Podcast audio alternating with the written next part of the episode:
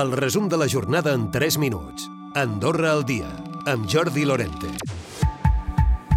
El Constitucional alerta sobre l'augment de sentències amb errors judicials greus. El president del Consell Superior de la Justícia diu que s'estan analitzant els més de 50 casos detectats, anunciant que es poden prendre decisions si es confirmen aquestes irregularitats. És veritat que hi ha hagut moltes sentències que després han estat modificades pel Tribunal Constitucional, en el qual ens han dit que la justícia no ha funcionat correctament.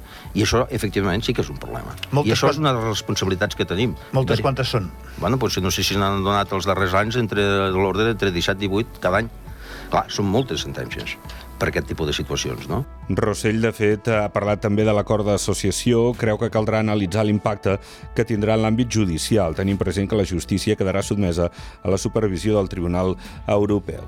I els ciberatacs cada cop estan més ben preparats i són més efectius.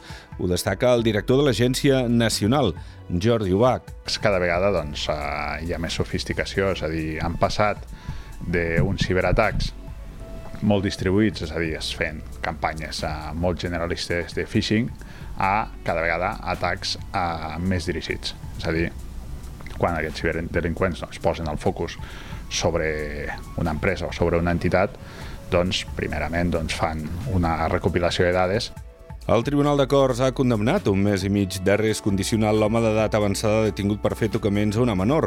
La sentència s'ha dut a terme en el marc d'un judici ràpid. Els fets van tenir lloc aquest dilluns a la tarda a Sant Julià de Lòria. Una nena va explicar l'incident a una tercera persona, que és qui hauria presentat la denúncia a la policia.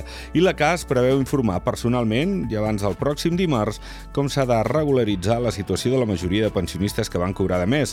El responsable de comunicació de la Parapública és David Cauvet. Pensem que cada dia podrem rebre uns 48 pensionistes, els hi podrem informar personalment. Llavors creiem que entre aquesta setmana i dilluns dimarts de la setmana que ve haurem completat les 227 persones, 227 pensionistes del total de 1.100 que hem detectat que han tingut alguna... Bueno, que s'ha regularitzat la seva pensió. I els socialdemòcrates i Andorra Endavant decideixen no formar part del Pacte d'Estat de Salut, entre altres coses, perquè no hi ha un calendari d'actuacions i la proposta de l'executiu té mancances.